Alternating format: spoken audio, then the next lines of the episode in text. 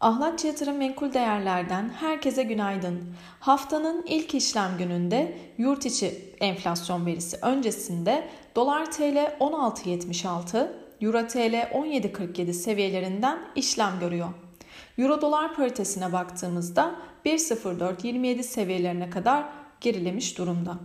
Geçen hafta Avrupa Merkez Bankası forumunda konuşan FED, Avrupa Merkez Bankası ve İngiltere Merkez Bankası başkanları düşük faizlerin damga vurduğu dönemin kapandığı mesajlarına istinaden şahin konuşmalar gerçekleştirirken Temmuz ayı Merkez Bankası toplantıları öncesinde faiz artış hızına ve büyümeye yönelik endişeler piyasalar tarafından risk iştahını etkileyen ana unsur olarak kalmaya devam ediyor.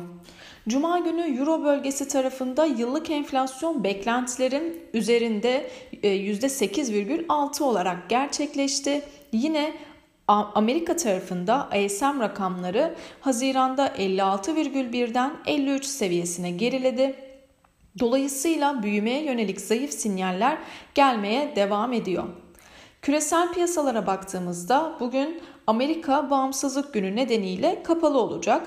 ABD vadeleri tarafı bu sabah sınırlı düşüşteyken Avrupa vadeleri ise yükselişte. Asya piyasaları karışık sinyaller gösteriyor. Amerikan 10 yıllıkları %3'ün altında %2,88 seviyelerine gerilerken dolar endeksi 105 seviyelerinde güçlü seyrini koruyor. Yurt içi gelişmelerine baktığımızda ise içeride saat 10'da TÜİK tarafından Haziran ayına ilişkin enflasyon rakamı takip edilecek. Beklentiler yıllık enflasyonun %79,95 seviyesine yükseleceği yönünde. Borsa İstanbul Cuma günü 2400 seviyesinin üzerinde kapatarak %1,6'lık bir değer kazancıyla 2443 puan seviyesinden tamamladı.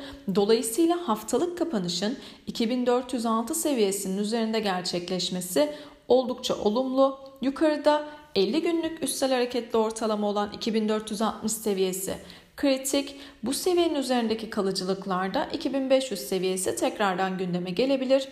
Olası bir satış baskısı durumundaysa aşağıda 2423 seviyesi, akabinde 2407 seviyesi kuvvetli destek noktaları olarak takip edilebilir.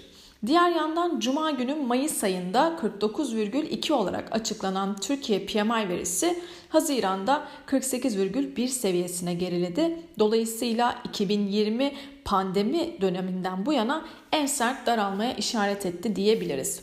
Bugün yurt içinde enflasyon rakamı takip edilecek, yurt dışında ise Almanya ticaret dengesi verisi takip edilecek. Herkese bol kazançlı güzel bir hafta diliyorum.